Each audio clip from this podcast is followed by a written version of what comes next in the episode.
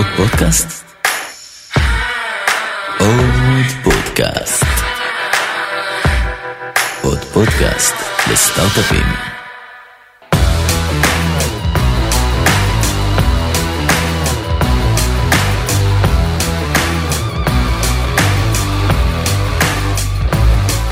טומי, גיא, מה המצב? כמה זמן? וואו, מלא, לא דיברנו איזה דקה בערך. לחלוטין. האמת שנראה לי שאתה חייב לנו קצת הסברים. לכל המאזינים והמאזינות של הפודקאסט הזה, אגב, אנחנו מתקרבים לעשרת אלפים אה, מנויים חודשיים בחודש, שזה מטורף. אומר, היה- אוטיסטיק בזמן שנעלמת. מה זה? האוקיסטיק. היה אוקיסטיק בזמן שנעלמת. בדיוק, מאז שנעלמת אז פשוט, אה, פשוט אה, אתה חווים גדילה? אבל באמת אה, זו הזדמנות להגיד שבחודשים האחרונים אני מראיין לבד בחושך את כל המרואיינים, ואני רוצה שתיתן לנו דין וחשבון רגע ותסביר מה קרה, לאן נעלמת? אז עברתי לצד השני, מרוב שנהניתי לראיין איתך יזמים ויזמות בתחילת דרכם, הפכתי לאחד כזה. מה זה אומר? הקמת סטארט-אפ. זה אומר שהקמתי סטארט-אפ, ובאמת, אם לקחת מהפיד... מהטיפים שחילקו לנו כאן מה... מהפרקים הקודמים, פוקוס זה הדבר הכי חשוב שיש למייסד, מייסדת בתחילת דרכם, אה, וזה מה שאני מנסה לעשות, מנסה להתמקד בגדילת החברה ובלקוחות ובמוצר. אה, ולכן באמת אחד מהדברים שאני הכי אה, מתגעגע אליהם זה הזמן איתך. אה, אז עכשיו כן, כולנו כן. ביחד אומרים, או, אז, אז אה, בגלל שהתגעגעת אז באת מה שנקרא, ואנחנו עושים פה איזשהו פרק חיתוך מצב מיוחד, ואנחנו הולכים לדבר היום על הסטארט-אפ שלך, על מג'יקל, ועל סבב הגיוס שלכם, אה, כי נראה נכון. לי, כי נראה לי שבעצם אחרי שדיברנו עם כל כך הרבה יזמים ומשקיעים, והיינו בצד השני של המראיינים, אז נראה לי שזו הזדמנות משוגעת שאחד מאיתנו באמת עבר לצד השני כדי לבוא ולדבר קצת על איך, על איך החוויה הזו. אז קודם כל למי שלא מכיר בוא תספר שנייה מה זה מג'יקל בכלל.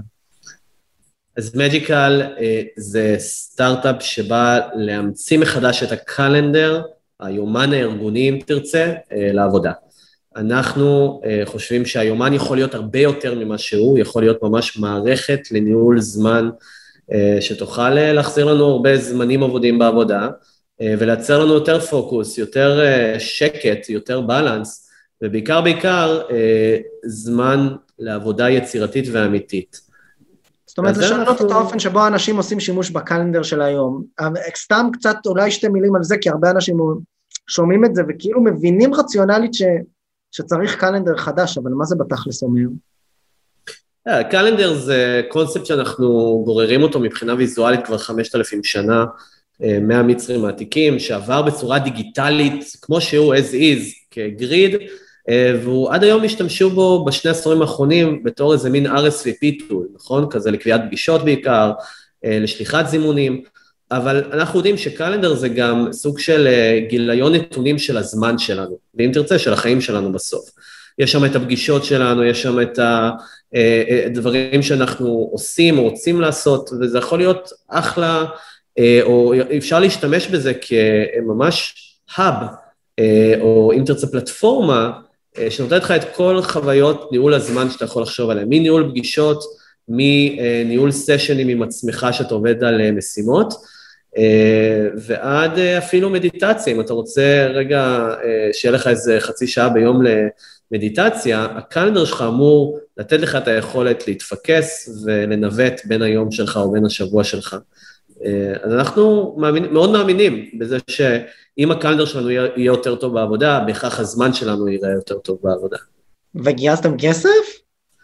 להפתעתך גייסנו כסף. מה באמת? אה, גייסנו כסף, וגם ממך וממשקיעים אה, נהדרים, מסיליקון וואלי, מניו יורק, מפה מישראל.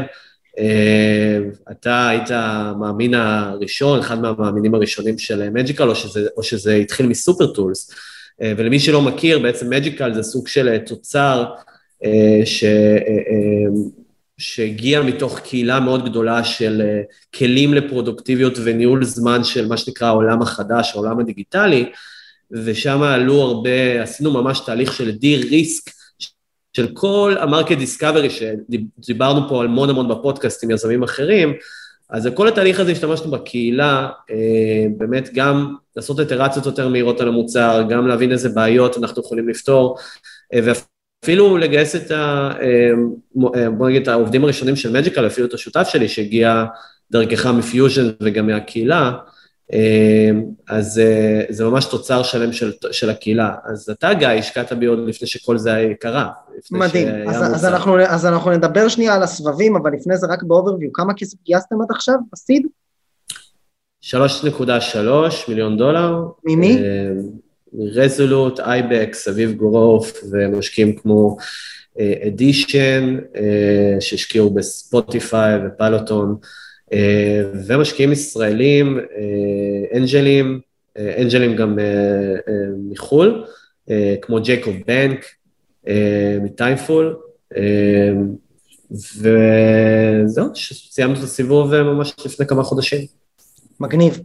אני רוצה שתספר קצת אה, אה, למי ששומע, יש לנו הזדמנות לדבר בתכלס, מה שנקרא. אני הרבה פעמים, היה לנו פרקים, היינו מסיימים עם יזם שמספר על צבע גיוס, ואומר, טוב, אז האמת שהסבב גיוס שלנו אה, היה ממש אחלה, פנינו לשתי קרנות, שתיהן נתנו לנו term sheet, ובתוך שבוע סגרנו את הכסף. אה, ותמיד אחרי הפרקים אני זוכר שאתה והיינו מתחרפנים ואומרים או שמחרטטים אותנו, או, או שכאילו כן. החבר'ה האלה אנחנו מביאים רק, רק את הבני מזל, או שאין, או שאין סבבי גיוס אה, שהולכים קשה. אני לא יודע. אז בוא נדבר. קראנו לזה הרבה, הרבה שיחות פלאף ויח"צ, ונכון, ובוא נדבר בתכלס. בוא נדבר על איך היה לך. היה קשה, היה, אה, תראה, אני לא אגיד שזה היה אה, ארוך, כי זה לא היה, סגרנו סיבוב יחסית מהיר, אה, ואני חושב שמה שקרה אחרי הקורונה, והתהליכים שקרו גם בעולמות ה-VCs וגם בעולמות שלנו של פרודוקטיביות, הספייס שאנחנו עליו, הייתה באמת התפוצצות, ויותר ויותר הבנה שצריך להישען על כלים מהסוג שלנו, ושעולם עבודה הולך להישען על כלים מהסוג שלנו, אז היה איזה מומנטום טוב להתחיל איתו את הגיוס. אה, אז כן הוא היה יחסית מהיר לממוצע, כלומר סגרנו את הגיוס לדעתי מהטרם שיט, עד, עד ההגעה לטרם שיט זה לקח משהו כמו חודש וחצי. מאז שיצאתם לסבב. מאז שיצאנו לסבב. אה, אבל מה שקרה לפני, שזה ההתחלה של הסיבוב, הניסיון הראשון, ונדבר עליו, היה את הניסיון הראשון, שהוא באמת היה לפני קורונה, עד ההגעה של הקורונה, שדי קטעה את הדבר הזה שניים, ובאמת אה, החלטנו לא לצאת לגיוס בסוף. אמ, אז בסופו של דבר, אם אני צריך לסכם את זה, כלומר, את כל החוויה, זו הייתה חוויה מאוד רגשית, פרסונלית שלי, כלומר של המנכ"ל, ותפקיד המנכ"ל בתוך כל הדבר הזה, אמ, שהראתה לי את החשיבות. אני רואה את, מה, את תפקיד המנכ"ל? בסופו של דבר, אני חושב שכשאתה יוצא לסבב גיוס, אתה צריך לצאת ש... אין לך שום משימה אחרת חוץ מלגייס כסף. אתה לא יכול באמת, בזמן שאתה מגייס, לפחות בסיד ראונד, כן? אני לא אגיד שבראונד A ובראונדים אחרים שיש לך יותר מומנטום, אבל בסיד ראונד שאתה, זה, זה סוג של ה-first stample of approval, נכון? של כל חברה, כלומר, אה, אה, זה אולי הסיבוב הכי חשוב שכל חברה, אה, כל חברת סטארט-אפ נמצאת, אה, כי זה ממש ה-validation של החברה. זה האם היא תעלה מעבר, אה, מעל הרעש, תעלה מעל הרעש או לא. ולכן היה פה עניין רגשי, מעבר לכל, האם אה, ההחלטה לצאת למסע הזה הייתה נכונה. תחשוב על כמות הלא שאתה מקבל. כאילו זה, בגדול זה... אתה מקבל לא, על משהו שהוא החלום של החיים שלך, ואז יום למחרת אתה מקבל אולי כן, ויום אחרי זה אתה מקבל עוד לא. כן. אתה בעצם ברכבת הרים רגשית שאף אחד לא מדבר עליה. אז אז הסיפור איתי, תחשוב שהוא היה... אה, אז, אז תכף, עצור את הסיפור, כי אני יודע להוביל אותך לשם. אנחנו תכף נעשה את זה מההתחלה התחלה, אבל בגדול, זה ממש, נראה לי שהנקודה אולי שאנחנו מנסים לשבת עליה, שלפני שיש את הטכניקה לאיך לגייס, שאנחנו נגיע אליה, ואולי אה, נדלג קצת על ההתחלה של הסיפור, כי אני חושב שהיא ייחודית לך, ואנחנו פשוט, אה, פשוט נריץ אותה, אז באמת יש פה אירוע מנטלי ומוכנות להבין שאתם הולכים לפגוש מלא אנשים, ולקבל מלא מלא מלא מלא לא. אני רציתי לקלל נכון. עכשיו, ואז אמרתי, לא, זה לא סיפור פרטית שלך ושלי. נכון. הרבה לא. ואיך מתמודדים, ואיך מתמודדים עם זה? בוא נתחיל מזה. מה קורה כשאומרים לך לא? מה עושים? אני חושב שהדרך להתמודד עם הלא זה קודם כל ההכנה המקדימה. ההכנה המקדימה של, לפני שאתה בכלל יוצא לפגישות עם, עם משקיעים, אחד מהדברים שטל ואני, השותף שלי, עשינו, זה שהתחלנו את הסבב גיוס השני, שאותו באמת עשינו בצורה הרבה יותר טובה. התחלנו לתחקר הכל. הוא הצטרף אליי לכל פגישה, עמד שם בצד ופשוט תחקר ברמה של מה היה, מה היו האינטראקציות, איך ה... מה היה ה moment ברמה, בקטע מוצרי, הרבה פעמים כשאתה מציג מוצר, אתה מחפש את ה aha moment. חיפשנו את זה במשקיעים, שנבין איזה דברים עבדו, איזה דברים לא עבדו בדרך שבה סיפרנו את הסיפור. ובסוף האופטימיזציה הייתה בראש ובראשונה איך אנחנו מספרים את הסיפור שלנו. זו הייתה האופטימיזציה אה, הכי גדולה שעשינו. אמ, והקושי בזה שכל כמובן משקיע הוא שונה, במה מדליק אותו, אותה, במה אה, מזיז, אתה יודע, יש כאלה שהם יותר אנליטיים, יותר business oriented, יש כאלה שהם יותר product oriented, אמ, וניסינו לייצר את האופטימיזציה הזאת לא רק בדרך שבה אנחנו עושים את הסיפור, אלא גם בדרך שאנחנו בוחרים את המשקיעים שלנו. אז בעצם יש פה, יש פה בעצם איזשהו אירוע שאנחנו מבינים שאנחנו נתמודד עם הרבה לא, ויש הרבה storytelling in between. בוא, בוא, אני, אני, אני כן הייתי רוצה אה, ללכת שנייה אחורה לתחילת הסיפור ורק אה, להסביר אותו למאזינים שנייה אולי דווקא במילותיי כדי לקצר, אה, כמישהו שראה את זה מבחוץ, בעצם מה שקרה זה שאת הסבב גיוס הראשון, ראשון, ראשון, ראשון, גייסת אם יורשה לי על הפרצוף היפה שלך, בסדר? בואו נגיד את זה ככה, בעצם היה רק טומי, לא היה חברה, לא היה חברה בעם, לא היה אפילו רעיון, לא היה לך צוות או קו-פאונדרים, היה אותך. אבל הייתה היפותזה מאוד מאוד גדולה. ומה שהיה בנוסף אליך, לא הייתי קורא לזה היפותזה, היה אה, בפלצנות של ה-VCs, כן, אני אכבוש פה את הכובע של ה-VC הפלצן, אני אגיד שהיה איזושהי תמה מאוד כללית, שבאה ואמרה שהייתה את קהילת סופרטולס, למי שלא מכיר, שזה בעצם קהילת פייסבוק מאוד גדולה שאתה הקמת וניהלת וייצרת ועדיין מייצר שם הרבה מאוד תוכן גם לישראלים וגם ללא ישראלים, בעיקר לאנשי טק, חלקם משקיעים, חלקם יזמים, אבל לא רק, וכל הנרטיב של הקהילה דאז וגם היום היה איך אנחנו משתמשים בכלים טכנולוגיות ובמתודולוגיות נכונות סביב הכלים האלה כדי לקדם אותנו ו- ולייצר פה, בוא נגיד, אה, בפלצנות חיים טובים יותר על פני כדור הארץ, ובהכי פרקטיקות פשוט לייעל את הזמן שלנו, לעשות דברים בצורה יותר אוטומטית, אה, וכו' וכו' וכו', בסדר? אה, לאפטם את עצמנו. אגב, גם בשלב מסוים זה הגיע לביו-האקינג, ואיך מודדים שינה, ואיך מתאימים את התאורה למשרד, ואיפה אתם שמים את הצמחים שלכם, בזמן שזה התחיל מכל מיני אפליקציות של איך אני לוקח אוטומטית את כל האימיילי חשבוניות מהרואה חשבון שלי, מכניס אותם לתוך אקסל, שאני יכול אחרי זה לשלוח לה, אז, אז באמת הריינג' הוא רחב והכל קורה בתוך הקהילה, שיש בה היום 40 אלף איש, משהו קרוב, כזה, כן. קרוב ל-40 אלף איש. אז זה מה שהיה, היה אותך והיה קהילה, ואתה אומר היפותזה, אני ברשותך אקרא לזה איזושהי תמה מאוד כללית שאומרת, סביב העולם הזה שבו טכנולוגיה וכלים פוגשים מתודולוגיה, וסביב המקום הזה שבו יש לנו יותר מדי כלים היום, ויותר מדי משימות שאנחנו עושים היום ידנית, שיכול להיות שטכנולוגיה תעזור לנו לפתור, אנחנו נמצא מוצר שסביבו נבנה היפותזה שעליה נגייס, בסדר? נכון, זה בגדול, נכון. שוב, זה אני מדבר בשמי, בסדר? ואני חושב ששם פחות או יותר, וכמובן סביב הטאלנט שלך, והרקע, ו-Waze, וארגוס, ו-MassChallenge וכל מה שעשית, בעצם גויסו המאות אלפי דולרים הראשונים.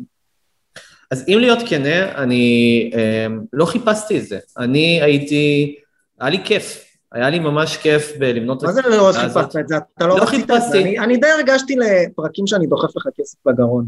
אני גם הרגשתי את זה לפרקים, ואני חושב שהארת את עיניי בהרבה מאוד מקומות. אה, אני לא חיפשתי אה, לצאת למסע של אה, בניית מוצר ובניית סטארט-אפ שיהיה ב-hyper growth. היה לי מאוד נוח במשך שלוש שנים, תחשוב שאני הפטמתי את כל החיים שלי שיעבדו בצורה שהיא, אה, שהיא מאוד אה, בבלנס, שגם יש לי זמן להקדיש למשפחה שלי וגם יש לי זמן לבנות אה, עסק שהוא יהיה סוסטיינבול, שיכניס לי לא מעט כסף, והכנסתי המון כסף מהבנייה של המוצרים סביב, on top of, of the community, סביב הקהילה, שזה שירותי ייעוץ ווובינארים ששמנו בתשלום ומוצרי ידע שאנשים באמת קנו.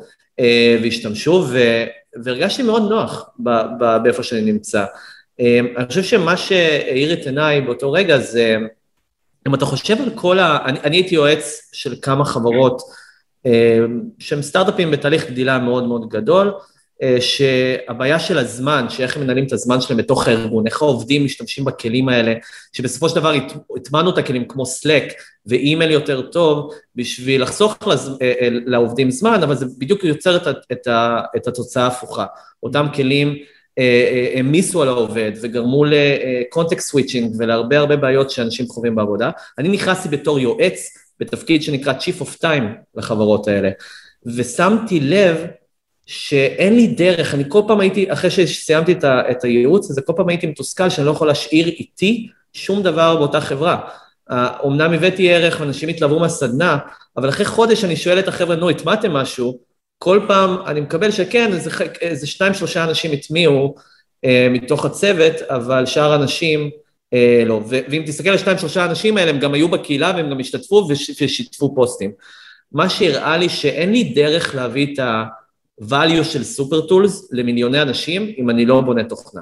אין לי דרך ברור, לעשות את זה. ברור, אני כן חושב ואני אגיד פה בכנות שמעבר לזה שהבנת. או הבנו שמעבר לזה שיש פה אירוע שהוא לא רק מתודולוגי, אלא באמת אולי איזו תוכנה שתשנה פרדיגמה, אני חושב שזה גם היה טוב באיזשהו מקום אם להיות כן, כי הסיפור הזה שבו, אני זוכר שדיברת איתי על זה בתור חבר, ברגע שהחברה הראשונה לקחה אותך כיועץ על טייטל של כזה Chief Productivity Officer, שלא משנה כרגע מה הפתרון בכלל, או מה הכיוון לפתרון, ואני מבין את הבילדאפ שאתה עושה פה סביב הזמן, אבל אני חושב שאז זה לא היה כזה ברור. אמ, פשוט הבנו שיש פה עולם בעיה שלם שהולך להיות, מה שנקרא, ב, יש מצב, אנחנו עוד לא יודעים, כן? זה כנראה הולך לשם, אבל כן. אז הוא מספיק אנחנו לא יודעים, אבל יש מצב שמה שנקרא Chief Productivity Officer, או Chief of Time, או איך שלא תהיה, choose your, chief your, choose your preferred Chief Buzzword, אה, הולך להיות משהו שיקרה בחברות, בעיקר במיד-סייס קמפניז ומעלה, שמשתמשות היום בעשרות, אם לא מאות תוכנות SaaS אפליקטיביות שונות, ובמאות, אם לא יותר, אלפים כנראה, של workflows ומתודולוגיות שונות בין התוכנות האלה ובתוך התוכנות האלה, ו, ומה שנקרא, יהיו יותר ויותר פלטפורמות overlay או מתודולוגיות overlay או אנשי overlay שישבו על הדברים האלה וינסו לעשות סדר. אז חוזרים לתמה, זה משהו שהאמנתי בו אז, אני מאמין בו עד היום, בלי קשר אה, למג'יקל. כן. אה, ורואים את זה אגב בעולמות האפליקטיביים בסטארט-אפים אחרים, שמגיעים היום לתחומים כמו סיילס וקוסטומר סקסס וכולי וכולי, ש, שאנחנו רואים, רואים יותר ויותר פתרונות אפליקטיביים בתחום. אז שמנו בצד ואני רציתי רק לעשות framing לסיפור הזה של ה-pre-seed, בסך הכל כדי להגיד שהוא היה די מיוחד, ולרוץ ולקצר, שבעצם אחרי שגייסת את הכמה מאות אלפי דולרים הראשונים, בעצם נסעת איתנו לארצות הברית, אה, שם גיבשת צוות, ואת התמה הראשונה של משהו היום מג'יקל, או ה-Supertools, אז אם אתה רוצה לדבר קצת, ושוב, זה לא חייב להיות בהקשר של פיוז'ן בהכרח, כי אחד מהדברים שאני לא אוהב לעשות בפודקאסט זה לדבר על פיוז'ן, פיוז'ן, פיוז'ן, אז יותר תנסה לדבר על החוויה שלך בלי להזכיר אותנו, אה, לגבי מה היה הסיפור שם סביב טל, אה, וסביב הבנייה של התמה הראשונה. אז פיוז'ן, סתם, אני, אני אספר, אני אספר באמת, אה, כן, וואו, איזה תוכנית, ובאמת אה, נסענו, נסעתי עם, ה, עם, עם אותה מחשבה שאיך הופכים את Supertools בתור קהילה, מה שנקרא תהליך productization, איך הופכים את, את הקהילה למוצר. זו הייתה החשיבה הראשונית, וזו התמה הראשונית שהיא... זה ממש היה ל... הדיבור, אני זוכר. בדיוק. אה, עם, עם, עם הדבר הזה נסעתי ללוס אנג'לס, אמרתי, הדברים יסתדרו, כמו שאתה יודע, אה, אתה דחפת אותי לחשוב, ומשם באמת, תוך כדי התוכנית, אני מתחיל באופן הכי, אתה יודע, כמו תרגום ישיר שאתה עושה בגוגל, ואתה כזה רואה את התרגום ואתה אומר, זה לא בדיוק התרגום של זה. אז ככה גם העניין של החשיבה המוצרית שלי הייתה בהתחלה. אמרתי, בוא ניקח את הקהילה וניקח את הערך שאנחנו מנסים לייצר בקהילה, או, או, או, או לא יודע, פוסטים שעולים שם וננסה להפוך את הדבר הזה למוצר. אז בהתחלה זה היה, אוקיי, איך אנחנו פותחים פה כזה מין marketplace של no אה, coders, אנשים שצריכים שירות, לבין אנשים שאפשר אה, להצמיד אותם, מה שנקרא time creators האלה, שיכולים לחסוך לך בזמן ולייצר לך כל מיני workflowים דיגיטליים. אה, אני חושב שזה לא סינית למאזינים, אבל בסופו של דבר no coding זה ממש תחום חדש מדהים שנפתח, שזה שימוש בפלטפורמות קיימות ליצירה של ממש תוכנות ללא ידיעה, ללא ידיעה בקוד. דברים כמו Notion ו-Zapier ו-Airtable, ואצלנו בקהילה אנשים ממש מומחים בדבר הזה, והם יכולים לעזור לאנשים שהם לא מומחים, לייצר להם תוכנות שהן custom made. תחשוב גיא שאני יכול לייצר לך משהו שהוא מתאים בול לצרכים שלך. מה ששונה מאוד מהתזה הקודמת של עולם התוכנה, של Jack of all trades, נכון? לוקחים אה, אה, אה, ככה market אה, כמו עולם העבודה, שהוא מאוד רחב, ומנסים לייצר תוכנה שמרצה את כולם. אה, ועם זה הלכנו לפיוז'ן, ומהר מאוד הבנו שהדרך אה, היחידה אה, להשיג אה, את אותם משקיעים שרצינו להשיג, באותו שלב, זו הייתה מחשבה, אמרנו, אוקיי, איך מגייסים תוך הדבר הזה כסף? אמ, התחלנו לדבר על top down בעצם, התחלנו לדבר על... אבל רגע, לפני זה היה את ההיכרות עם טל בכלל, נכון? שאני נכון. רק נגיד, אולי פשוט נגיד בקצרה, הגעת בימים הראשונים של התוכנית, אחד מהאנשים שיאיר, שותף שלי, חיבר אליך, זה בחור נחמד בשם טל פרץ, שמי שחיבר אותו אליי כן. זה דמי בן ארי Cyber Selfie מ-Panorays, חמוד, דמי אוהבים אותך, בעצם מה שקרה פה זה שעשינו איזשהו 2 degrees של separation וייצרנו קליק בינך לבין טל, היה קליק והיה דיבור על שותפות שבסוף התגבש, הוא היום נכון. ה-co-founder שלך, CTO טכנולוגיה. לגמרי. סבבה, אז זה שמנו בצד, ועכשיו אתה בתוכנית מדבר עם משקיעים פוטנציאליים, לקוחות, משתמשים, מנסה להבין בעצם מה יהיה ה-product, המיצור, או איך שלא אומרים את זה, whatever, מה זה, אין מילה כזאת, צריך למצוא. אז, אה, כן, לאיך, אז מה שמיוחד... לאיך ממצרים את Supertools? אז מה, מה, אנקדוטה מעניינת לגבי הדבר הזה והסיפור הזה, זה שהפגישה הראשונה שלי עם טל, שבאמת היה מנטור בתוכנית, אה, זו הייתה פגישה שברגע שהוא נכנס הוא אמר לי, היי, אתה טומי מסופר טולס, אני בקהילה כבר כמה חודשים, מאוד אוהב את מה שאתם עושים, יש לי רעיון למוצר. זה, זו הייתה הפגישה הראשונה, כאילו הוא ידע את הסיפור שלי בגלל שהוא היה חלק מהקהילה הזאת כל כך הרבה זמן, אה, וזה חלק מה, מהיופי של להקים קהילה גדולה סביבך, ובעצם לחשוב מה אתה עושה עם, ה, עם הערך ואיך אתה עושה לזה סקל. וטל, אה, בשלב הראשוני המאוד מוקדם, אמר, צריך להמציא מחדש את הקלנדר. הוא אמר, רוב הבעיות שאתם מדברים עליהן בקהילה זה הקלנדר. ואני אמרתי לו, אין סיכוי, אנחנו לא נתחרה בגוגל, לא נתחרה ב... כלומר, יהיו כל כך הרבה barriers בתור אה, מישהו שאתה יודע, היה איתך בכל כך הרבה פרקים, ו... זה הולך נגד כל מה שאתה יודע, כל מה שאנחנו אה, אינטואיטיבית חושבים, אה, למצוא שוק שהוא, שאתה לא יכול להיות במונופול או כל מיני דברים בסגנון, ושם הרגשנו שהקלנדר בהגדרה הקיימת שלו אה, הולך, וזה הכיוון שהוא הולך. ואז משם חיפשנו כל מיני אה, פתרונות והתחלנו דווקא בביזנס, התחלנו בעניין של איך מייצרים הדבר הזה ביזנס, למי הולכים, לאיזה פרסונה בארגון אנחנו יכולים ללכת, שמספיק יהיה לה אכפת מהבעיה שאנחנו מדברים עליה, שזה בזבוז זמן בעבודה על כלים דיגיטליים. ולא מצאנו תפקיד כזה, היינו צריכים להמציא כל מיני תפקידים ודי לה, להיות יותר, כאילו לחשוב על השוק איך הוא יהיה בעוד חמש שנים, במקום להבין שלא היה ממש פרסונה כזאת, אז ראינו ב-COO את הפרסונה הזאת. אמרנו, ה-COO זה מי שמתעסק בכל האופרציות ב... אה, בארגון, בואו נלך אליו ונשכנע אותו אותה אה, שצריך מערכת שתנטר את הבעיות של עובדים דרך הכלים שמשתמשים ותנסה לעשות לכל הדבר הזה אופטימיזציה ולנסות לעזור להם לחסוך זמן בצורה קולקטיבית, אוקיי? שזה הסוג של monitoring ביחד עם automation system. שזה הרבה Buzzword, נכון? הרבה Buzzword, ומי אוהב Buzzword? ומי אוהב top down, ומי אוהב כאילו אה, B2B ו-enterprise, משקיעים ישראלים, וזה הם, זה הרבה יותר מחליק בגרון, לפחות פה, אה, pre קורונה, נכון? Mm-hmm. ומשם הלכנו, ניסינו, אה, ניסינו לחשוב על הדברים שיעזרו לנו אה, אה, לגדול הכי מהר או לגייס כסף הכי מהר במקום לחשוב על הערך ומה אנחנו חושבים שהוא הכי נכון. שבסוף היה לכם איזושהי פלטפורמה, נכון, איזה רעיון לפלטפורמה כזו שבעצם מאפשרת לי לעשות כל מיני אוטומציות ספציפיות מאוד על ה-calendar שלי, לדעתי זה היה סביב time blocking וכל מיני זיהוי אנומליות בתוך ה-calendar, שאותם כן. תמכרו לצוותים B2B, נכון? ואז כן. אה, מה שנקרא כל ה-buzzwords הרלוונטיים. לגמרי, בלגן שלם, אה, אה, בוא נגיד סביבה אחרת לחלוטין שמנותקת מכל מה שאתה מכיר, מתחברת לכלים הקיימים שלך כמו Slack ואימייל וקלנדר, ומנסה לזהות חולשות, מה שנקרא, ולנסות לעזור לך אה, להשתפר. אתן לך דוגמה, וזו הייתה הדוגמה הכי גדולה שאליה הלכנו לארגונים. רוב האנשים בארגון, בגלל שככה הכלי נוצר, קח את הקלנדר, רוב האנשים בארגון צוותים קובעים גישה של שעה, שהם לא זקוקים לכל השעה הזאת. למה? כי ככה הכלי מעוצב. כי כשאתה לוחץ על New Meeting זה שעה by default. היום טיפה זה השתנה, אבל זה, ככה זה היה. אז חסכנו לארגון אחד בשם Workies, 17 אחוזים על הזמן של, אה, של כל ה-sales team שלו, על ידי זה שעשינו אוטומציה פשוטה ששינתה את ה-default ל-45 דקות במקום שעה. דוגמה אחת, שאיתה הלכנו ועשינו כזה prototype והלכנו לגייס כסף. אה, היו לנו כל מיני חששות מהדבר הזה, כלומר אמרנו, כן, מי יקנה את זה בסוף? זה, זה הרי B2B ויש buyer אחד באותו, אה, אה, אה, אתה יודע, כמו שאתה, שומע, כמו שאתה שומע מהרבה סטארט-אפים, אתה צריך את ה buyer הזה, אתה צריך מישהו אחד שיקנה את זה אם אתה עושה ולא ברור, ולא ברור מי הוא. חד משמעי, אין Chief of Time. ואתה מרגיש שקצת בניתם את הפיץ' הזה כדי שיתאים לאוזן של המשקיע הישראלי שאוהב פלטפורמות B2B? בהסתכלות אחורה, אני חושב שאז לא הרגשנו את זה, בהסתכלות אחורה אז אה, אה, אה, ברטרו אני יכול להגיד לך שכן.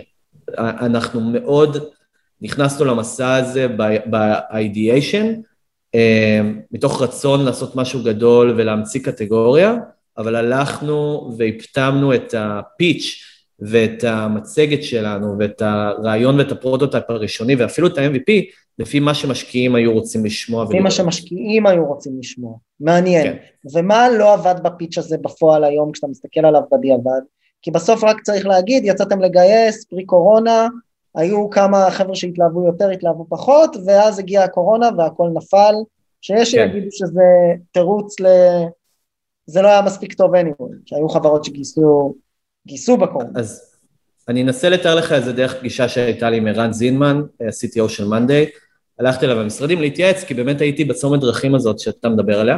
נכון. ואמרתי לו, אה, ערן, זה המצב, אנחנו עושים top down, מנטרים פרודוקטיביות וחולשות, אה, ובעצם מציעים את ההצעות והאוטומציות האלה. ואז הוא אמר, מה הערך הכי גדול שאתה נותן? תיארתי לו את אותה דוגמה שאתה, שתיארתי לך כרגע על ה calendar, שיש פגישות של שעה by default ואפשר לצמצם אותן. אה, ואז הוא שאל אותי שאלה פשוטה, מה אתה באמת רוצה לעשות? מה אתה באמת, שצ... אה, באמת מאמין שצריך להשתנות מבחינה של workflow דיגיטלי? מה רוב הבעיות שאתה מוצא באותה מערכת? אה, מי אשם בבעיות האלה? אם אתה צריך להפנות אצבע מאשימה אחת, האם זה עובד, האם זה האימייל, כאילו, מה, מה, מה היית מתאר? אז אמרתי לו, אני מאמין שאת הקלנדר. הקלנדר אחראי, או הדרך שבה הקלנדר מעוצב או מוגדר, זו הדרך. אז הוא שאל אותי שאלה פשוטה, למה אתה לא הולך ומשנה את זה?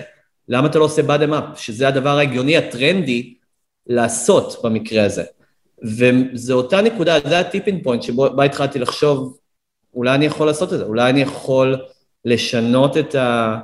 את ה... או את הפחדים שהיו לי סביב ללכת על הקלנדר, אה, ולרדוף אחרי הדבר הזה שמלכתחילה זיהינו כחולשה עיקרית. אבל אני רוצה לחזור לפיץ' הראשון, אני רק אגיד, היה פה סבב שלא צלח לפני הסבב הנוכחי. מה לא עבד שם לדעתך בסוף? שלא היה בייר? לא ציפינו מגפה עולמית, זה דבר ראשון. אה, היינו כבר עם, אה, עם התחייבות, מה שנקרא קוליד, שזו טעות שאני לא אחזור אליה אף פעם בתור יזם. אמ, מה שלא עבד במקרה הזה, שמי שלא מכיר קוליד זה שקרן באה ואומרת, אנחנו מחויבים לשים X amount of money, אוקיי? נגיד מיליון דולר, בתנאי שקרן אחרת תבוא וגם תשים מיליון דולר. מה זה בסוף אומר, גיא? אני מאמין בך רק אם מישהו אחר יאמין בך. בדיוק. זה אומר שבן אדם הוא לא ממש, אין לו, הוא לא ממש קומיטד לדבר הזה. אה, וזה אומר שאם אם, אה, אה, משהו אחד ייפול, הכל ייפול, נכון? אתה מאבד מומנטום לחלוטין. זה אומר שאם קרן אחת אומרת לא, שכמה כאלה אומרות, והבעיה שהן מדברות גם בינם לבין עצמם. וזו בעיה שהיא, אתה לא יכול לשלוט עליה, וזה משהו שהיה מאוד, קודם כל מאוד מלחיץ ברמה מסוימת, כי פתחנו פה איזה מין מרוץ להביא עוד קרן כזאת, ש, שגם תאמין בנו, וברגע שהשגנו, זה היה ממש יום לפני שהתחיל כל הבלגן עם הקורונה, או כמה ימים לפני, אה, שכל הדבר הזה בין רגע, ברגע שנהיה קצת חוסר ודאות בשוק אה, בעקבות המגפה הזאת, אה, זה הרגע שהפסקנו לשמוע או שהעסקאות האלה נפלו. אז, אז אני רוצה להגיד ו... את זה יותר בוטה, אני רוצה להגיד את זה יותר בוטה, היה שותף בקרן, לא משנה מי, שותף בקרן ישראלית שבאמת נתן את ה commitment הזה, אגב commitment משמעותי, אם אני לא טועה זה היה מיליון וחצי, שני מיליון דולר כמעט, verbally לפחות, ובא ואמר זה מה שאנחנו נשים, תביא עוד מישהו שיצטרף יחד איתנו, ואפילו היה דיבור עם כמה קרנות אחרות מובילות. אבל מה שזה אומר כאן בעצם, אפשר לדבר על verbal commitments, לדבר על זה אולי בדיון על הסבב שנסגר, בסדר? ואיך הופכים אותו להתחייבות אמיתית, אבל נראה לי שבסוף אה, צריך להבין שאם זה slight commitment זה בדרך כלל no commitment, זאת אומרת, מי שבאמת מאמין בך, ומי ש... וזה מה שאתה מחפש כנראה בסבב הגיוס בהתחלה, אם אנחנו שנייה מתכנסים רגע לאסטרטגיה ולפרקטיקה של סבב גיוס, אתה מחפש מישהו שיגיד כן, לא כן מסויג, לא כן אבל, אלא כן, אני רוצה לעשות את זה, עכשיו בוא נראה איך מביאים עוד אנשים לשולחן, בוא נראה איך כן. אנחנו סוגרים שתי אפשרויות שונות, אולי נעשה משהו יותר קטן, אולי משהו יותר גדול, אבל אני בפנים. עכשיו בוא, בוא נבין ביחד איך אנחנו... אז, ואחד אז... השיטות שלמדתי עם הזמן להתמודד עם דבר כזה לדוגמה, זה אם בן אדם אומר לך, אני אה, רוצה לעשות קוליד, אתה מנסה לקנברט את זה לנוט, וזה אתה מכיר אה, יותר טוב, כאילו הרצון זה לנסות לסגור את זה כמה שיותר מהר, איזה קומיטמנט מסוים שהוא יהיה חתום, לא חייב להיות term sheet, אבל זה יכול להיות אפילו, אוקיי, אז בוא נתחיל במיליון דולר נוט, ונראה לאן נתקדם מפה. כלומר... אז בוא, נראה לי זה זורק אותנו ישר לסבב הבא, אני רק מסכם למי, ש... למי שככה עקב עד היום בעצם, או עד עכשיו, בעצם דיברנו על הרעיון של מה זה מג'יקל היום ושגייסתם 3.3 מיליון דולר, ואנחנו עכשיו נדבר על איך ממש עשיתם את הסבב הזה, שזה בדיוק מוביל לסיפור הזה של נוט ואקוטי ולנצל מומנטום. לפני זה מה שהיה, זה היה אותך, מגייס פרסיד, מוצא שותף, מוצא רעיון ראשון, עושה סבב גיוס שלא צלח, של כן. איזושהי פלטפורמת B2B רגע לפני הקורונה, למרות שהיו משקיעים שהתעניינו וכו' וכו', ואז חזרתם לשולחן השרטוטים, הידקתם את החזון למה שהוא מג'יקל, שזה פלטפורמת קלנדר, B2C, מה שנקרא ממש Next Gen קלנדר, ויצאתם לסבב. או בגדול, התחלתם לדבר עם משקיעים. ושם אני זוכר שאני ולך היו לא מעט שיחות, בלשון המעטה. בוא תספר שנייה קצת אה, אה, אה, מה אתה מרגיש שקרה שם שעזר, מה, איך, איך, איך בכלל, כאילו מה, פניתם לאותם משקיעים שהייתם איתם בקשר ואמרתם להם, היי, חזרנו, איך, איך עושים את זה? כן, אז אתה שומע הרבה שיטות על אה, מפאונדרים אחרים, איך כדאי להיכנס לסיבוב, איך, אה, אתה יודע, יש את השיטה של קודם כל תתגלץ' על, ה... על האלה שאתה לא רוצה, אתה מכיר? תעשה פיץ' ל...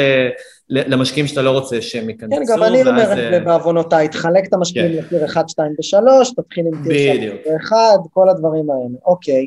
אז אתה שומע, אתה שומע כל מיני כאלה, אה, כל מיני דברים, אבל בסוף אני חושב שמה שאנחנו עשינו אחרת מהסיבוב הראשון לסיבוב השני, זה קודם כל הייתה לנו, היה לנו אה, התחלה של מוצר, ומה שנקרא, בוא נגדיר את זה, איזה מין value proposition, או, או אפילו positioning, שהאמנו בו באמת. כלומר, אנחנו אמרנו בלב שלם שהקלנדר צריך להשתנות, הסיפור היה הרבה יותר מהודק.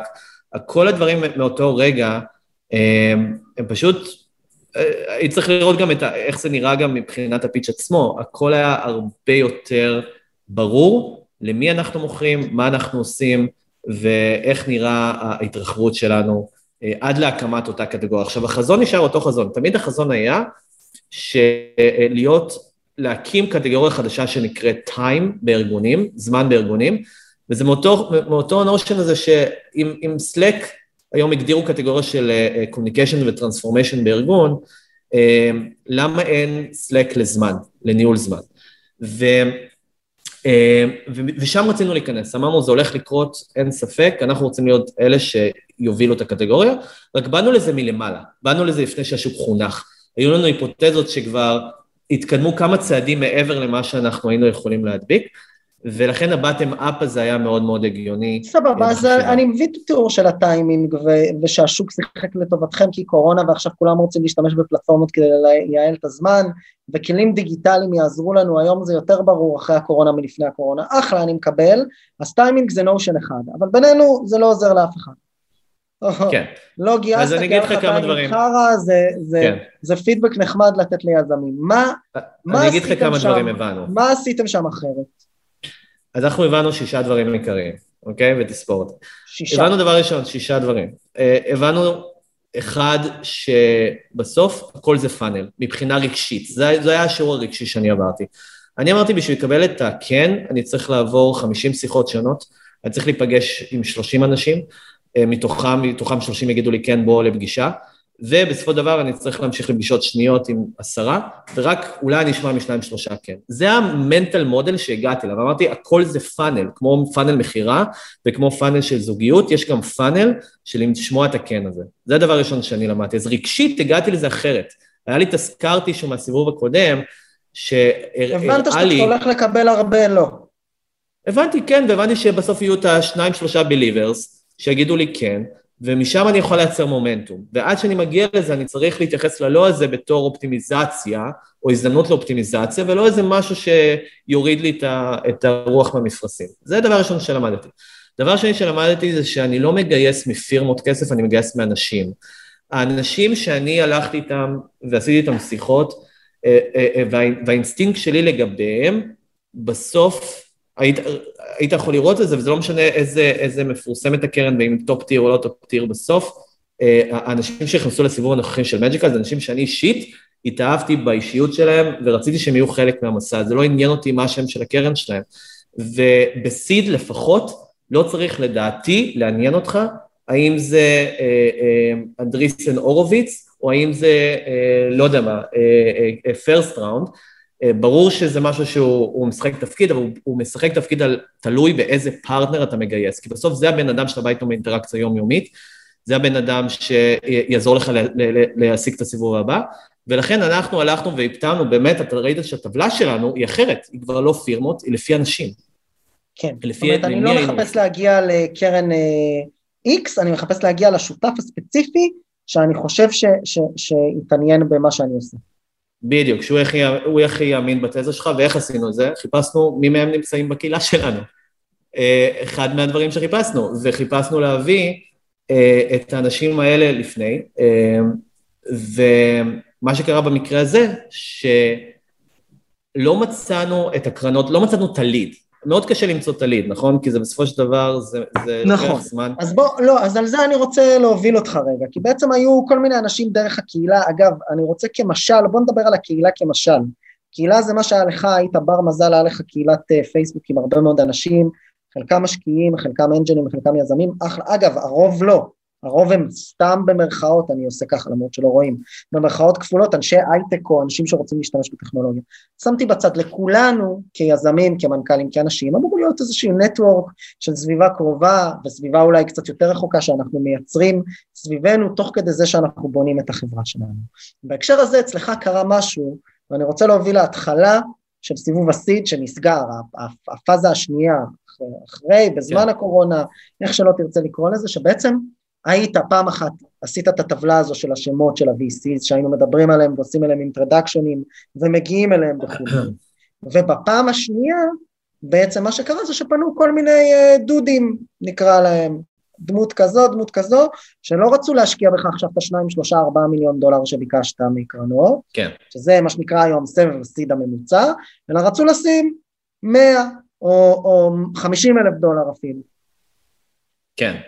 אז אני חושב שזה משהו שאתה... מה, אז מה, אז, אז, אז מה עושים במקרה הזה? כי אני זוכר שהיה לנו שיחות, אפילו לא, בוא נגיד ככה, שיחות קשות על זה, אה, אה, ואני זוכר שבאת ואמרת לי, אני רוצה לגייס אה, סתם שלושה מיליון דולר, זה נגיד היה מספר האצבע, כדי שיהיה לי את המשאבים שאני צריך בשביל להרים את המוצר ולהפיץ אותו ל-X יוזרים הראשונים, והנה בא החמור הזה ומציע לי 25 אלף דולר כן. מה אני, מה, איך אני בכלל מגשר על הפער? ומצד שני, אני פוגש קרנות ואף אחד עוד לא קפץ פנים. ואני חושב שאז קרה כן. משהו מאוד מעניין, החלטנו ביחד, אני לא אסקוף פה החלטה לזכות אף אחד, אה, אה, בעצם לייצר איזושהי אסטרטגיה שאמורה להוביל אותנו למומנטום לתוך סבב סיד אמיתי. אם תוכל כן. קצת לספר על זה, על מה קרה שם. אז אני חושב מה שבאמת יפה, וזה מה שהבנו על המוצר באיטרציה הראשונה שהגענו איתו למשקיעים בסיבוב הראשון, שהתחיל מלמעלה למטה, ועבר מלמטה, מהקהילה למעלה לארגונים, אותו דבר קרה גם בסיבוב. בסיבוב הגענו דווקא ל, ל, לאנשים האחרונים שאתה צריך להגיע, לליד, נכון? לבן אדם הזה שישים את רוב הכסף. ואתה מתחיל איתו כי אתה חושב שזה זה מי שייצר את כל המומנטום, וזה בדיוק הפוך, לפחות ב-DNA של החברה שלנו שהיא community oriented או driven, community driven company, uh, במקום להתחיל עם הקהילה, התחלנו בסיבוב הראשון עם, דווקא עם הליד, מה שנקרא הכריש, שאתה רוצה להביא. ובמקרה הזה באמת, אחד מהדברים, ש... ובשיחות איתנו ובדברים שאתה ניסית uh, uh, לדחוף אותי לשיטת התכלס הזאת, אמרת לי, תפתח note של מיליון, ותנסה לייצר מומנטום, תכניס אליו מי שאתה יכול. כל מי שאתה יכול, תכניס ל note הזה. כמובן שזה לא כל מי, ש... זה לא כל מי ש... לא, אתה יודע, לא, לא עלי בבאללה, לא אבל... פעילי חמאס, כן, בסדר. אבל לי הייתה רשימה מאוד גדולה של אנג'לים, executives מה space שלי, שלפני כמה זמן עשו אקזיט באיזה סטארט-אפ, ויש להם קצת כסף בצד, והם יכולים להשקיע את זה בסטארט-אפ חמוד שמנסה להצליח, והם מכירים אותי גם מהקהילה. אז אספנו אנשים כאלה, אה, שהם אנשים מדהימים והם supporters מדהימים של מג'יקל, אה, שהם פשוט, אתה יודע, אה, נכנסו ל SAFE, איך שעשיתי את זה, זה דרך אימייל. היה לי SAFE שהוא clean vanilla של התנאים מוגדרים, בתוכו רק צריך לחתום. עליתי גיא לשיחות שנמשכו רבע שעה, וקיבלתי כסף בבנק תוך יום. לא האמנתי, כאילו שהדברים קורים בצורה כזאת. ואחרי משהו כמו שבועיים כבר היה לי מיליון דולר שהצלחנו לאסוף, אתה זוכר את זה? ועם זה, קצת פחות, מה שקרה... אבל, אבל, אבל אני, אני רק רוצה לעצור ולהגיד על הסיפור הזה כמה דברים אולי שנייה, ואז תמשיך, בסדר? תזכור, עצרנו בסיפור הזה של הנוט. קודם כל נוט, למי שלא מכיר, זה כאילו, בסדר, קונברטיבל נוט, נכון? או CLA קוראים לזה, או לא משנה, או SAFE, יש לזה שזה, מה שנקרא, אותה הגברת בשינוי אדרת, ואנחנו לא נעשה פה מבוא משפטי, זה בעצם איזשהו הסכם שמאפשר למשקיעים אה, אה, לקנות בעצם להשקיע בחברה עכשיו ולהיות מומרים לפני או בזמן סבב הגיוס הבא, וזה בעצם מה שנקרא מבחינה, מבחינת compliance עכשיו וכל הניירת המשפטית וה legalese צריך להעביר את החברה וגם מבחינת העלויות וגם מבחינת הבירוקרטיה זה בעצם הרבה יותר קליל אמור להיות, כי אתה לא עכשיו רוכש ומוכר מניות חדשות בחברה ולא מכניס חברי דירקטוריון ולא עושה את כל השינויים האלה, אלא מכניס את הכסף לקופה, נותן לחברה להמשיך לעבוד, זה כאילו שוב בפרספקטיבה התכלסית שלי, ומבטיח למשקיעים שנכנסו יותר מוקדם ויותר מהר איזושהי הנחה עם הגנה גם מלמעלה ומלמטה, יש discount ו cap, אז זה ככה המבוא הכללי, מי שרוצה תעשו, תחפשו SAFE או convertible loan או CLA, לא משנה, יש מלא מושגים, יש גם uh, uh, מסמכים ניירת מיוחדת של כל מיני אקסלרטורים, גם של YC, גם של טקסטארס, גם של אלכימיסט כזה שעושים ניירות שמותאמות יותר לסטארט-אפים בסיבובים האלה, שם בצד, אני רק אומר בסוף זה סיפור אחד. הסיפור השני הוא שהרבה פעמים כשאתה בא ומדבר עם קרנות בזמן סיבוב, אז מה שהם אומרים זה, מה פתאום? מה, למה שתגייס עכשיו note uh, על מיליון? אתה צריך uh, שלושה מיליון דולר, נכון? זה מין תגובה כזו, נורא נכון. מעצבנת, שאני בדרך כלל אומר לה, תשאלו אותם, אוקיי, אז זה בעצם הצעה להוביל את הסיבוב שלי, או שאתם פשוט חושבים אידיאלית שזה מה שאני צריך לעשות, אבל נוכח זה שאולי כרגע אני לא מוצא מוביל, או לא אמצא מוביל בקרוב, אז מה אני אמור לעשות עם הבחור הזה שרוצה לשים 100 אלף דולר? ומה שקרה אצלך, ופה אני משקף מהפרספקטיבה שלי, ואני מקווה שזה בסדר שאנחנו עושים על זה שיחה ואני נותן פה את השתי סטנט, זה שהיה כמה כאלה, היו כמה חבר'ה, חלקם היו אנג'לים קטנים, חלקם היו פאונדרים של חברות שעבדת איתם או דרך הקהילה, או עשית להם את הסרוויס כ-Chief Time, Chief of Time או Chief Productivity Officer, ופתאום הצטברו להם פה, אגב, בהתחלה צריך להבין, זה לא הרבה. הסיפור הזה של גייסנו מיליון בתוך שבועיים או שלושה, הוא בדיעבד נחמד, אז היה לדעתי 100-200 אלף דולר על השולחן, ב-verbal commitments, אם אני זוכר נכון, ואני זוכר שממש עלינו לטלפון, יכול להיות, שפח, יכול להיות שיותר, אני זוכר שזה לא היה הרבה, אמרתי לך, אחי, פתח נוט, קח את הכסף, שים קאפ, לא משנה, שוב, זה אני תגריתי המשפטי, אבל תייצר הגנה, הגנה סבירה שלא מדללת יותר מדי את היזמים, בעצם תנהל פה שני תהליכים מקבילים, מי שרוצה להיכנס, שייכנס עכשיו, ו- ו- ותוך כדי זה תבנה מומנטום לסיט, כי בעצם כשאתה בא ואתה פונה לקרנות, you're not desperate anymore for cash, אתה מגייס, אתה בכל מקרה עובד, ויש לך גם את הכסף להתחיל לרוץ, ואם יצא מזה סיבוב יותר גדול, כי מישהו יקפוץ מספיק מהר על העגלה ולא ימרוך אותך בבדיקת נאותות במשך חצי שנה, אז, אז זה יעבוד. ומה שקרה שם היה משהו מאוד מעניין, שבאמת הנוט הזה, מה שקרה זה שברגע שהתחלתי to onboard people ראית כמה חזקה הנטוורק שלך, הרשת שלך, וכמה מהר אתה יכול להביא כמה מאות אלפי דולרים בתוך נוט, ומה שעוד קרה זה שהתחלת להכיר משקיעים דרך הסיפור הזה, ואם אני כן. לא טועה, משם הגיעו גם אדישן וגם הסיפור של רזולוט, התחיל משם. כן. אז תספר מה- על זה קצת. אז בעצם תדמיין שבאמת בבאדם, אם, אם, אם הדבר הזה זה מין, אה, אתה יודע, כאילו אני קורא לזה the bottom up approach בסופו של דבר. ואם למטה יש את העניין של הקהילה, אז אנשים שמכירים את סופר טולס ואת התזה שלנו ואותי אישית, אה, הם היו באמת האנשים הראשונים שפניתי, אה, וחלקם גם פנו אלינו, אה, אתה יודע, כמו דוקטור אה, אה, אה, צבי גוטרמן וכל מיני חבר'ה שנכנסו, וכבר ידעו את, הפעילות שלי, והם ידעו מה אנחנו רוצים לעשות.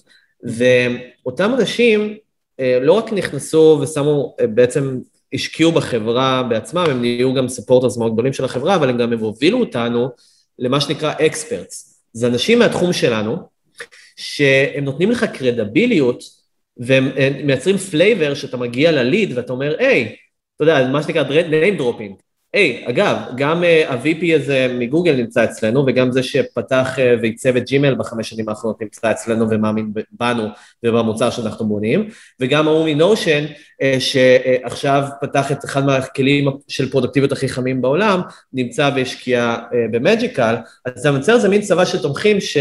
של executives, של uh, אנשים מה space, מומחים מהתחום שלך, שפשוט מכניסים flavor אחר וקרדיביליות לתוך הסיבוב, שאתה מגיע ל lead, או שאתה מגיע, אגב, מאותם experts גם, או, או מה community, אז אתה מגיע לליד הרבה יותר, שאתה יודע, שהוא או היא כבר שמעו עליך, הם קיבלו רקומנדיישן מכמה גורמים שונים, ויצרו מוקדי כוח, כלומר, אותם, אותם אקספרטס ואנשים בקומיוניטי יצרו אליהם מוקדי כוח, שמאוד עזרו להגיע. זאת אומרת, גם בנוט הזה, בהסכם האמיר הזה למניות, לא סתם הכנסנו איזה...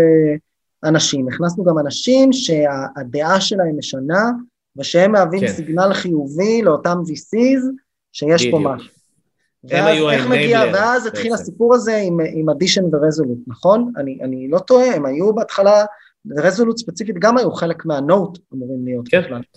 אז, אז קרה... קרה... אז תספר שנייה איך אתה מגיע אליהם, הקר... רק, רק כדי שוב, סבר את האוזן, הקרן שבסוף הובילה את סבב האקוויטי, בעצם אתה יצרת איתם קשר? איך זה קרה? אז, אז קודם כל חשוב להגיד שמי ש, מי שהכיר לי את רזולות זה היה דוקטור צבי גוטרמן, שהוא התראיין גם לפודקאסט הזה, והוא בן אדם מדהים ונפלא, עזר לי המון בגיוס ולהבין, באמת, בנומה לך, עזר לי מאוד מאוד בתהליכים של הגיוס, ולהבין את הניואנסים, ולא רק זה, הוא הכיר לי את מי שבעצם הפך להיות הליד אינבסטור, שזה רזולות. אני הרגשתי שאני עליתי לפגישה מרזולות, שזו הייתה הרגשה מאוד מרעננת, שהם די החליטו אה, עוד לפני שעליתי איתם לפגישה. כלומר, הם... הם אבל צריך להגיד את זה, לא זה, הם החליטו, זה הם החליטו כי בשלב הזה כבר באמת היה לך כמה מאות אלפי דולרים, כמעט מיליון דולר נכון. בהתחייבויות תחת הנוט. לגמרי. ומי שעשה את ההיכרות זה צבי גוטרמן, שבעצמו הביא קבוצה של משקיעים פנימה. זאת אומרת, שזה נכון. משהו שלא היה קורה אם הנוט הזה לא היה נפתח. לחלוטין, ו... לא, לא, הרגשתי... לא, בסדר, לא, בס... לא באופן הזה לפחות.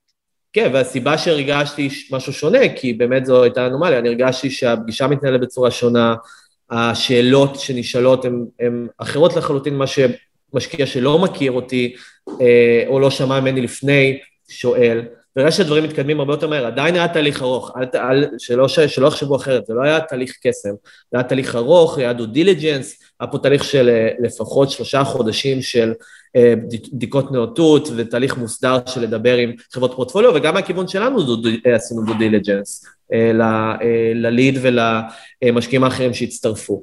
אבל אני הרגשתי שהיה שם משהו אחר, הרגשתי שהעובדה שהם שמעו עלינו לפני, מאנשים שהם סומכים עליהם, או שהם ידעו שהם לא רק, זה לא רק המלצה, זה גם המלצה עם, היי, גם אני השקעתי. אני גם הכנסתי את הכסף שלי לחברה הזאת ואני מאמין בה, זה שינה את המשחק. בוא נדבר קצת על איך זה קרה, אז עלית איתם לשיחה, הצעת להם בעצם להצטרף ל note, נכון? לא, האמת שלא לא, לא הצעתי להם לצרף ל note. אז מה קרה? איתם, אז עליתי איתם לשיחה, אמרתי שבמקביל לפתיחה ש... לפתיחת הסיבוב והמומנטום שראינו שה note יצר, שהיינו oversubscribed, ממה שהגדרנו, אנחנו פותחים סיבוב equity. בעצם, וזה היה נכון, פתחנו את ה note ואמרנו, אוקיי, מקסימום נגייס את ה note, נגייס מיליון, מיליון וחצי, נמשיך לעבוד עד שנייצר מומנטום מוצרי ונצא לסיבוב, אולי בעוד חודשיים, שלושה. אוקיי. Okay. במקרה הטוב, אנחנו יכולים לייצר מספיק מומנטום לצאת כבר לסיבוב equity. מהמם.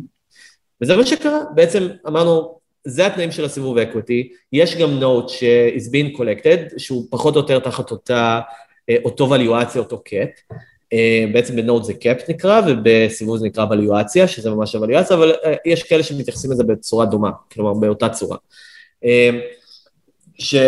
ומשם, עם זה הלכנו, כלומר, הלכנו עם הידיעה ורזולוט או, או קרנות אחרות ידעו שאנחנו, אה, שיש לנו גם את אותו note שהוא... אז כבר אה, בפגישה איתם הדיבור באמת היה על סבב equity. כן, וכמה ביקשת? הם אומרים אנחנו מתעניינים, אנחנו רוצים להשקיע, כמה אמרת שאתה מחפש? כשאתה מדבר עם קרנות.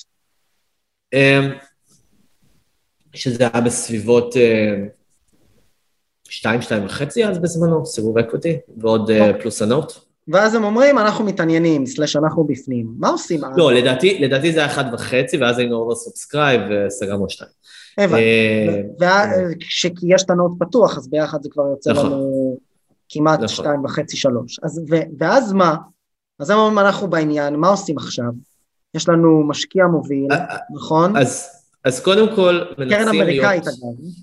אה, חשוב להגיד גם במובן הזה מאוד חשוב להיות אתיים. מה הכוונה? היינו יכולים באותה רמה, בגלל המומנטום של הסיבוב אקוטי, להגיד, אנחנו סוגרים את כל ההתחייבויות שהיו לנו לנוט, וזה הרבה פעמים אני רואה כאילו, אה, אה, לא הרבה, אבל אני, אני יכול לראות שזה משהו שסטארט-אפים יכולים לעשות, אלא הנה יש פה מומנטום, בואו נבטל את כל ההסכמים הקודמים שהיו ונייצר, אה, ונלך אה, אה, אה, רק לאקוויטי ראונד. אנחנו לא רצינו לעשות את זה, רצינו לשמר את ההתחייבויות שלנו, ולמרות שהיה פה מומנטום לגייס יותר, ואפילו בוואליואציות יותר גבוהות, מהמומנטום שנוצר, החלטנו לשמור על ההסכמים, אה, כי היה לנו חשוב יותר, עזוב עניין של רפיוטיישן, אבל סוג של גם אתיות, ובעיקר, אה, אתה יודע, אתה מתחיל מערכת יחסים פה עם משקיעים, של לאורך הרבה זמן, אנחנו במרתון פה, וגם אמרנו שאנחנו ללונגרן, עם המשקיעים אה, הנוכחיים. אה, וזה מה שידרוש הרבה איטרציות, והיה לנו חשוב לשמר את היחסים. אז אם אתם עושים את השיטות האלה, ואתה יודע, אתה...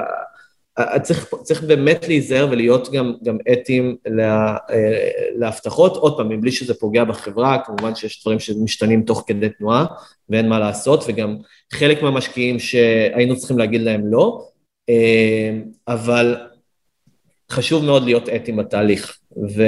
אז, ואז מה שבעצם עשית זה היה לך בעצם נוט שנסגר על כמעט מיליון דולר ועוד סבב אקוויטי של 2.3, נכון?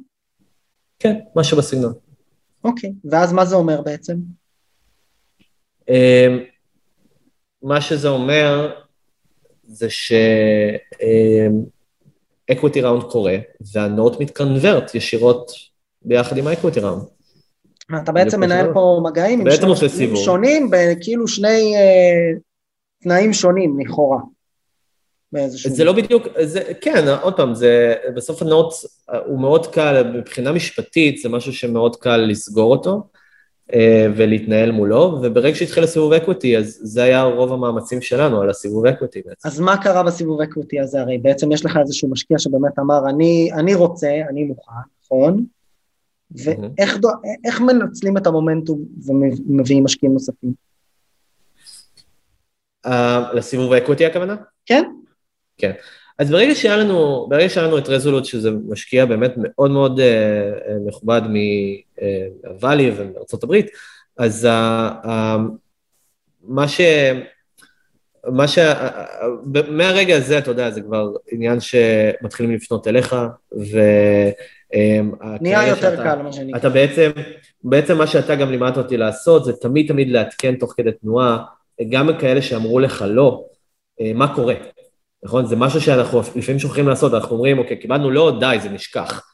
אבל לא, אנחנו ניהלנו טבלה שהיא מחולקת ללא עם שני, שתי עמודות, כאלה שזה לא חלוץ שאנחנו גם לא רוצים להמשיך את הקשר, זה מה שנקרא הרשימה השחורה, זה כאלה שכאילו או בזבזו לנו את הזמן וממש לא רצינו גם אם הם יכולים לשנות את דעתם שהם ישקיעו, וכאלה שזה לא, כי זה לא, כי הם עדיין לא, לא אין להם מספיק conviction, אוקיי?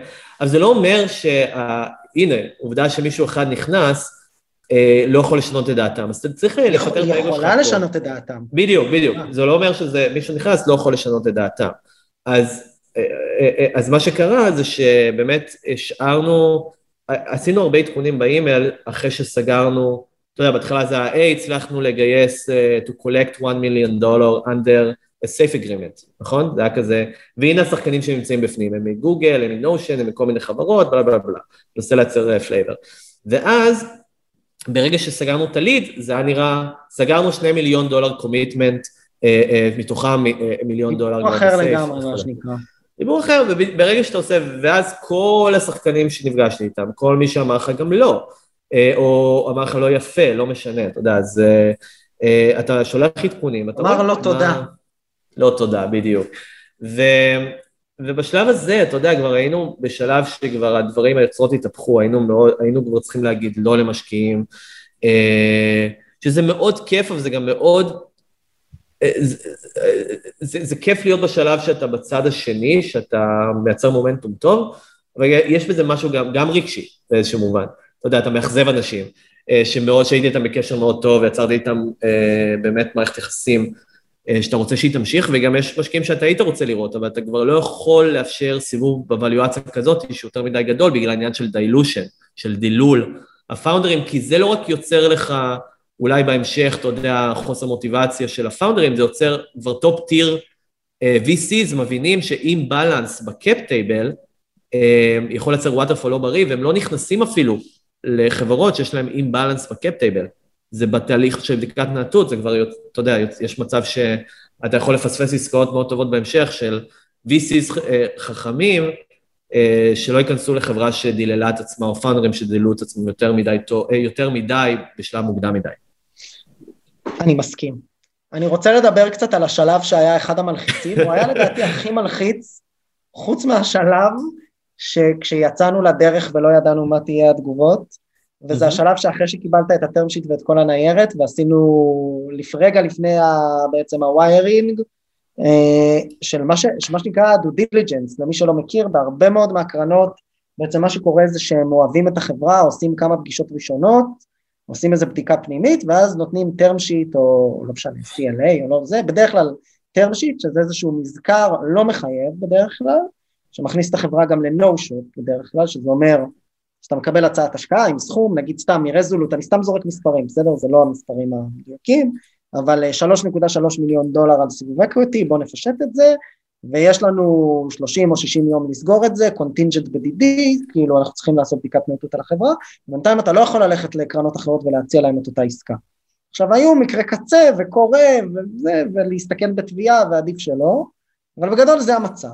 ואז חותמים על הטרם שיט, נכון? בעצם באים ואומרים, טוב, אני מוכן לקחת מכם את הכסף, ואנחנו רוצים לתת לך אותו, ואז מתחיל איזשהו אירוע, בחלק מהקרנות, בחלק הם עושים את חלק או את רוב הבדיקות לפני, אבל מתחיל איזה אירוע דו דיליג'נסי כזה, שהוא מורכב מכמה רבדים, איזה רובד אה, מיניסטריאלי כזה, של תביא לי את המסמכי התאגדות ואת כל האקסלים ואת התדפיסי חשבון בנק ואישור דירקטורים ותראה לי שלא תובעים אותך ושלא יודע מה וכל מיני shit כזה, נכון? ושהרואה חשבון שלך הם legit, והדבר השני זה בדיקות, שהן יותר אה, באמת הבדיקות של ה business של עולם ההשקעות, תלוי בקרן, כן, ותלוי כמה לעומק, אבל לדבר עם הפאונדרים ולדבר עם לקוחות פוטנציאליים ולדבר עם משתמשים פוטנציאליים וכו'. ושם היה איזשהו תהליך אצלכם, שלפחות אני הרגשתי שהוא היה, היה קצת סטרספול.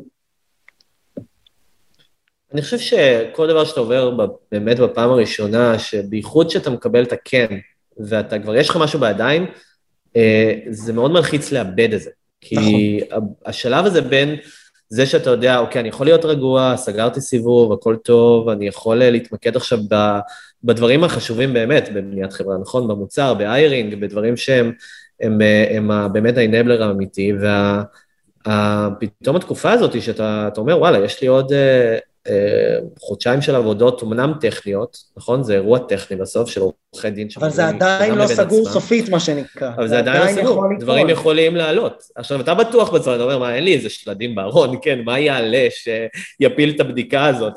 אה, וזה גם חשוב להבין, זה לא רק בדיקות כאלה של העבר, אם יש לך עבר פלילי, כן? או דברים בסגנון, או אם מכרת סמים בניקרגואה, אני לא יודע, אבל כאילו זה בדיקות ש... הם, זה ממש, מדברים עם לקוחות, מדברים עם מנטורים, מדברים עם, עם אפילו הקרנות אתה יודע, כי אנשים מדברים בינם אה, לבין עצמם, ושהם נמצאים באותו סיבוב. כן, זה נורא מפחיד שמישהו יגיד איזה משהו לא במקום פתאום. זה נורא מפחיד, בעיקר זה נורא מפחיד שכזה, אתה יודע, פתאום יהיה התקררות, או פתאום יהיה משהו כמו קורונה, נכון?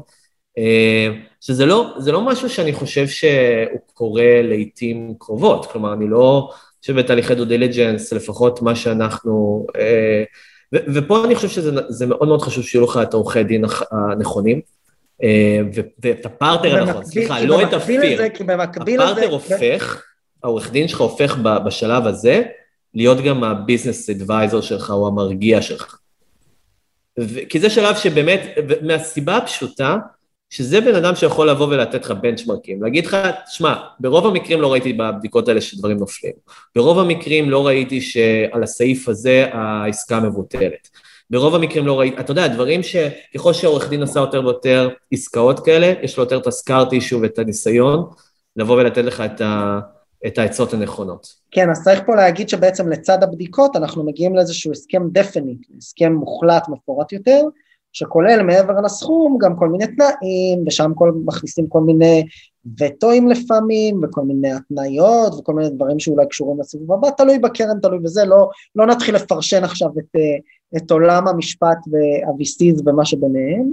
ובהקשר הזה, הרבה פעמים יש, יש דיונים, כי רזולוט רוצים סעיף כזה, ושני משקיעים אחרים באותו סיבוב אקוטי רוצים משהו אחר, והיה לנו גם סבב נוט במקביל של כל מיני משקיעים שהומרו פנימה וכולי וכולי. אז היה קצת ניטי גריטי שצריך להתעסק בו, ואז בהקשר הזה אתה בא ואומר, העורך דין פה הוא סופר סופר חשוב.